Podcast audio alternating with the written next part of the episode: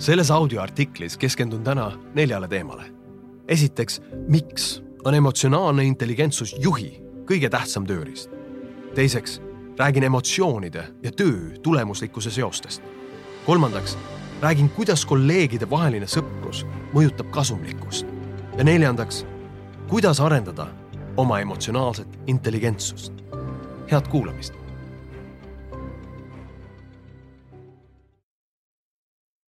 Emotsionaalne intelligentsus ehk ka tundetarkus tähendab inimese võimet oma tundeid tunda, mõista ja väljendada.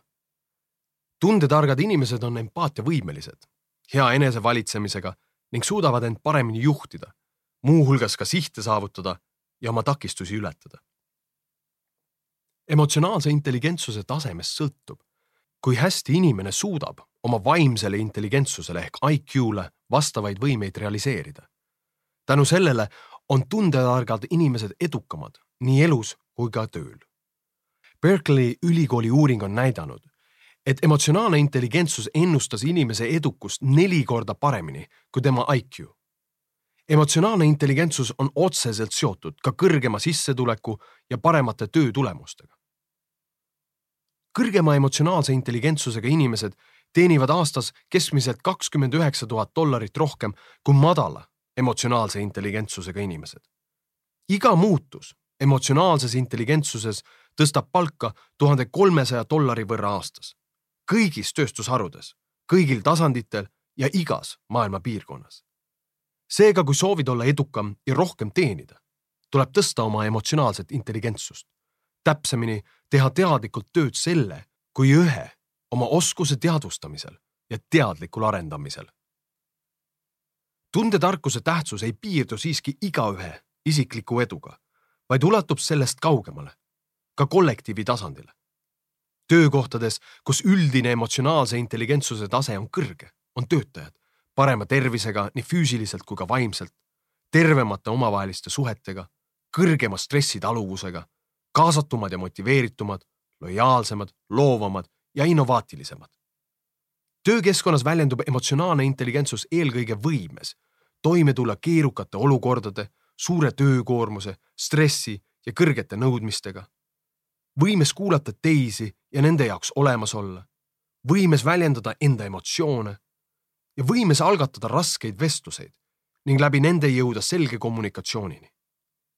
kõige selle tõttu polegi ime, et seitsekümmend üks protsenti Career Builderi küsitletud tööandjatest ütleb, et nad hindavad töötajate EQ-d rohkem kui IQ-d, sest kõrge emotsionaalse intelligentsusega töötajad jäävad suurema tõenäosusega pinge korral rahulikuks, lahendavad konflikte tõhusalt ja on kaastöötajate suhtes empaatilised. see omakorda toob meid teemani, mis on ärikeskkonnas seni pigem alatähtsustatud, inimlikkus ja emotsioonid. et tundeid tundma ja juhtima õppida, on tarvis neid esmalt märgata. emotsionaalse intelligentsuse arendamise teekonnal on üks suuremaid takistusi ja samas üks vajalikumaid omadusi valmisolek tunda kõiki oma tundeid sellisena, nagu need on. aga miks üldse tunda? kui sa ei tunne oma tundeid, siis tegutsed sa tunnete ajendil justkui autopiloodil ja mõjutad seeläbi oma suhteid ja tegude kvaliteeti ilma, et sul oleks selle üle vähimatki kontrolli. see, et sa oma tundeid ei tunne, ei tähenda, et tundeid ei ole. emotsionaalse intelligentsuse areng ei loo sinu teadvusesse seni avastamata tundeid, vaid annab sulle võimaluse märgata tundeid, mis juba taustal tegutsevad. justkui pime, kellele antakse nägemine ja nüüd ta märkab järve. nägemine ei loonud järve. järv oli kogu aeg seal olemas, kuid nüüd on tal võime seda ka näha ja vajadusel sellest mööda kõndida, et mitte sinna pimeduses uppuda.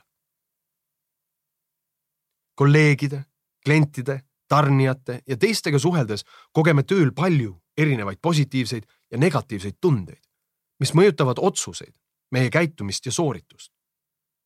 positiivsetel tunnetel on nii-öelda laienda ja ehita efekt, mis paneb meid laiemalt mõtlema, mõtestatult kaasa töötama ja teadlikumalt toimetama võib öelda, et positiivsed tunded muudavad inimese emotsionaalselt intelligentsemaks. negatiivsetel emotsioonidel on tavaliselt kitsas ja piirav mõju. Need muudavad meid kinnisemaks, me pole enam niivõrd kaasahaaravad ja meie sõnavõtud pole kuigi veenvad. kollektiivsel tasandil mõjutavad emotsioonid seega otseselt ettevõtte tulemuslikkust. hea tulemuslikkusega organisatsioonides kogevad inimesed rohkem positiivseid emotsioone ja vähem negatiivseid emotsioone kui kehvemate tulemustega organisatsioonides. hea tulemuslikkusega organisatsioonides tunnevad inimesed end oluliselt rohkem kaasatuna. Nad tunnevad, et neist hoolitakse, neid väärtustatakse. Nad tunnevad uhkust iseenda ja oma töö üle ning nad on palju motiveeritumad kui madala tulemuslikkusega organisatsioonides. madala tulemuslikkusega organisatsioonides tunnevad inimesed aga palju rohkem hirmu. Nad on tihti jõuetud, ebakindlad ning kogevad stressi. kuna emotsioonidel on nii suur mõju sellele, kui hästi ja tulemuslikult me oma tööd teeme, on vaja pidevalt monitoorida, kuidas tunnevad end organisatsioonis töötavad inimesed ei piisa kord aastas tehtavast sisekliendi rahulolu uuringust. inimeste emotsionaalset tervist on vaja monitoorida oluliselt sagedamini. sellest, kuidas seda teevad maailma tipporganisatsioonid nagu Google, Netflix või BMW, räägin täpselt oma juhtimiskoolitusel tugevustele tuginev juhtimine. kuid miks emotsionaalne intelligentsus on järjest olulisem? aga sellepärast, et tänapäeva ühiskond lausa nõuab seda tundetarkadel inimestel on kergem hakkama saada. siin on kolm tegurit, mis suurendavad vajadust suurema emotsionaalse intelligentsuse järele. esiteks muutused. muutused ajavad inimesi segadusse. Ennekõike on süüdlaseks kiirus, mis muutustega kaasas käib. kuna muutused toimuvad tänapäeval niivõrd kiiresti, siis on kriitilise tähtsusega, et juhid ja nende meeskonnad oskaksid nendega toime tulla. teiseks, vaimse tervise riskid. tihti saavad töökeskkonna probleemid alguse just juhi madalast emotsionaalse intelligentsuse tasemest, mis omakorda põhjustab ebameeldiva töökeskkonna ja halvenenud suhted. tundetargad juhid näevad, kui töötaja on stressis ning teevad omalt poolt toetavaid samme, et tema heaolu tõsta. seeläbi muudavad nad töökeskkonda meeldivamaks ja turvalisemaks, paranevad suhted ning muutused toimuvad loomulikult leidlikult ja meeldivalt. kolmandaks, tehisintellekt ja masinõpe. juba täna on masinad paremad kui paljud juhid, seda ennekõike IQ-ga seotud juhtimisülesannetes nagu äriprobleemide diagnoosimine ja lahendamine, finantsteabe tõlgendamine, protsesside täiustamine ja nii edasi hätta jääb tehisintellekt veel pehmete oskustega nagu mõistmine, motiveerimine ning suhtlemine seepärast jäävad juhi ülesanneteks just tundetarkusest sõltuvad tegevused nagu veenmine, empaatia ja olukordadega kohanemine. kõik muud ülesanded võtab sujuvalt üle tehisintellekt. sõprus kolleegide vahel mõjutab kasumlikkust. Paljud personali pühendumuse teemalised uuringud on jõudnud järeldusele, et kliendid mitte ainult ei tunneta seda, kui sõbralikes suhetes on omavahel organisatsiooni töötajad, vaid see mõjutab otseselt ka nende kliendi kogemust.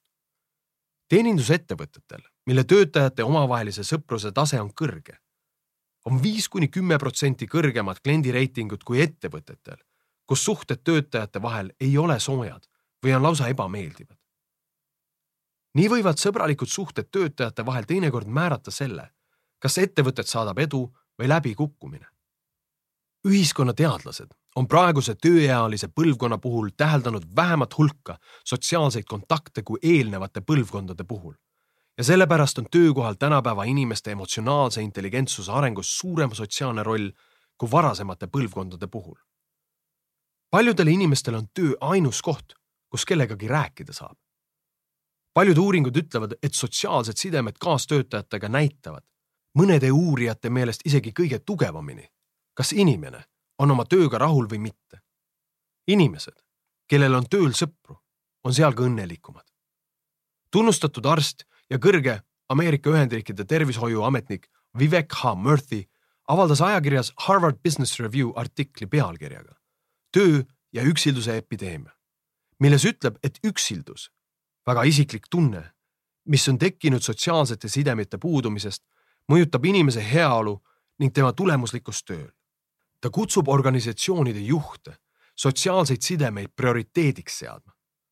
sotsiaalse külmuse likvideerimine töökohalt on äriliselt ülima strateegilise tähtsusega otsus, mistõttu töötajatele tuleks luua võimalusi sõprussuhete edendamiseks. ka sõprussuhete tugevust on töö juures võimalik mõõta ning edendada. Räägin ka sellest põhjalikumalt oma juhtimiskoolitusel tugevustele tuginev juhtimine. kõrge emotsionaalse intelligentsusega inimestel tuleb suhete loomine, teiste kaasamine ja gruppi vastuvõtmine loomulikult ja kergusega. selliste töötajate tugevuseks on inimeste ühendamine. Neile pakub siirast huvi uute inimestega kohtumine ja nendega paremini tuttavaks saamine. ning nad on loomupäraselt head suhtlejad, kes märkamatult uusi inimesi oma suhtlusringi lülitavad. Aga kõik ju ei ole sellised. mõned inimesed ei ole oma loomult kuigi soojad. Nad ei tahagi teha nii, et nende kaastöötajad end hästi ja gruppi kuuluvana tunneksid. ning isegi kui nad tahaksid, ei teaks nad, kuidas seda teha. Nad on isekad ja ebakindlad ega suhestu teistega. Nad ei oska arvestada kolleegide tunnete või nende käitumist mõjutavate asjaoludega. Nad ignoreerivad teisi inimesi juba alateadlikult. Need on märgid madalast emotsionaalsest intelligentsusest. kui kollektiivis on inimesi, kelle käitumine viitab madalale emotsionaalsele intelligentsusele, pärsib nende käitumine ka teiste töötajate aju otsmikusagara tööd ning vähendab seeläbi emotsionaalse intelligentsuse avaldumist kogu kollektiivist me ei saa selliseid inimesi muuta kellekski, kes nad oma olemuselt pole. kuid me ei tohi ka nende käitumist ignoreerida, kui see mõjutab nende kolleege või tervet ettevõtet negatiivselt. mida me saame teha, on aidata neil ära tunda käitumisviise, mis panevad kolleege end tõrjutuna või alandatuna tundma. juhid saavad aidata neil läbi kolmesaja kuuekümne kraadi tagasiside, nende enda tugevusi avastada ning koos nendega mõelda kuidas need tugevused võiksid koostööle ja teiste kaasamisele kaasa aidata. emotsionaalne intelligentsus koosneb mitmest võimest või oskusest, mida kõike on võimalik treenida.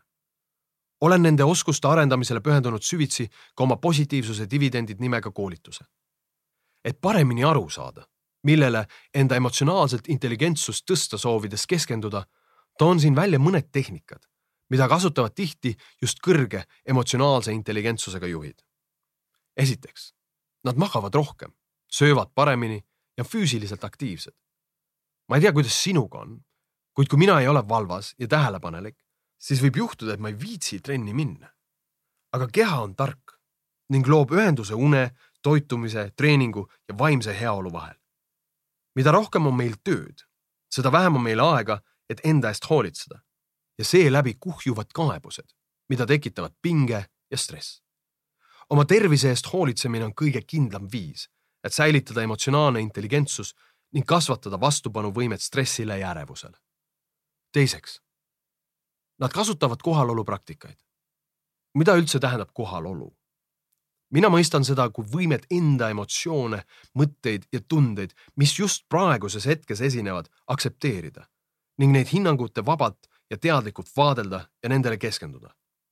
mulle meeldib kohalolust mõelda kui mõttevaikuse praktikast, kui meelepuhkusest, kui peatumisest, millestki, mis on tänases maailmas äärmiselt tähtis, sest mõte ei peatu igapäevaelus hetkekski. kogu aeg on vaja midagi teha ja saavutada. kolmandaks, nad arendavad oma emotsionaalset sõnavara. enamik meist ei ole teadlikud, kuidas me end tunneme uuringute kohaselt ei ole me enda tunnetest teadlikud lausa kaheksakümmend viis protsenti ajast. kahjuks ei tähenda see aga, et emotsioonid samal ajal peenelt, ent tugevalt ei mõjutaks meie mõtteid, otsuseid ja käitumist. Seepärast on vaja saada oma tunnetest teadlikuks. teadlikkus on esimene samm, et tuua muutusi oma ellu. üks võimalus, kuidas saada oma tunnetest teadlikumaks, on võtta üks minut oma päevast ja kirjutada üles tunded, mida tundsid seejärel jaga need tunded positiivseteks ja negatiivseteks. kui sa märkad, et tunned negatiivseid tundeid rohkem kui positiivseid, siis see on märk madalast emotsionaalsest intelligentsusest. et oma tunnete nimetamisel oskuslikumaks saada, soovitan praktikat nimega circling, mille praktikumide kohta on leitav info Facebooki lehelt Circling Eesti ja Circling Estonia. neljandaks, nad muudavad oma keskkonda ja harjumusi. kui päeval muutub olemine loiuks ja fookust on raske hoida, siis võta lõunapausi ajal ette lühike jalutuskäik. kahe tuhande viieteistkümnendal aastal Scandinavian Journal of Medicine and Science in Sports ajakirjas avaldatud uurimuses leiti, et isegi kerge tuulutus värskes õhus tõstab tuju ja aitab paremini stressiolukordadega hakkama saada. eriti tõhus on jalutuskäik ühendada kohalolu praktikaga. samuti töötab oma harjumuste muutmine, kui teed seda sihiga, hoida üleval oma tuju ja produktiivsust.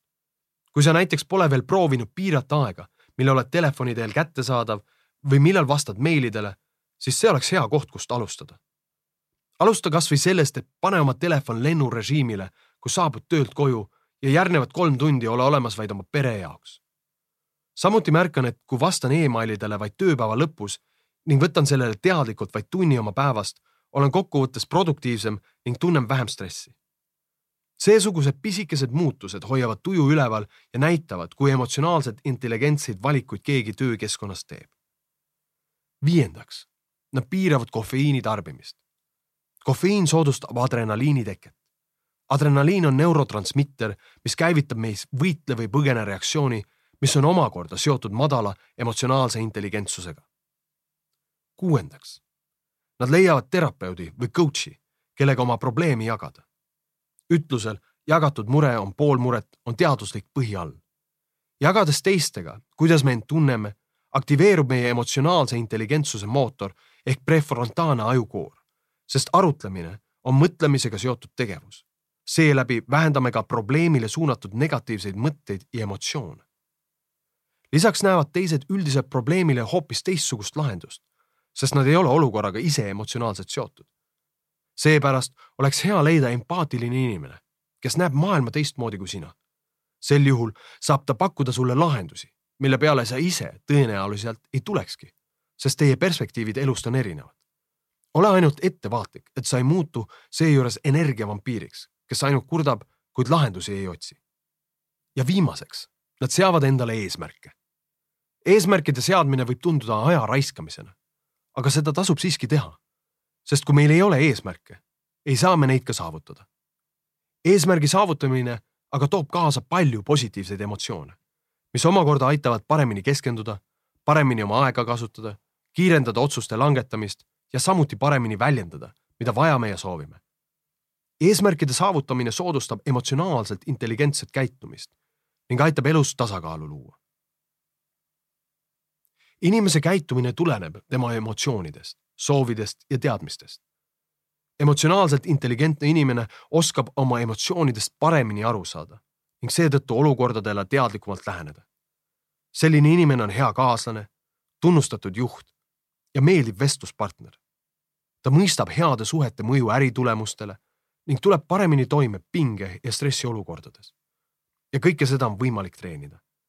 meie aju on plastiline ning tänu sellele on meil võime kohanduda ja muutuda tuues oma ellu uusi tehnikaid ja harjumusi, kasvab ka meie emotsionaalse intelligentsuse tase ning märkimisväärselt paraneb võime enda emotsioone teadlikult reguleerida.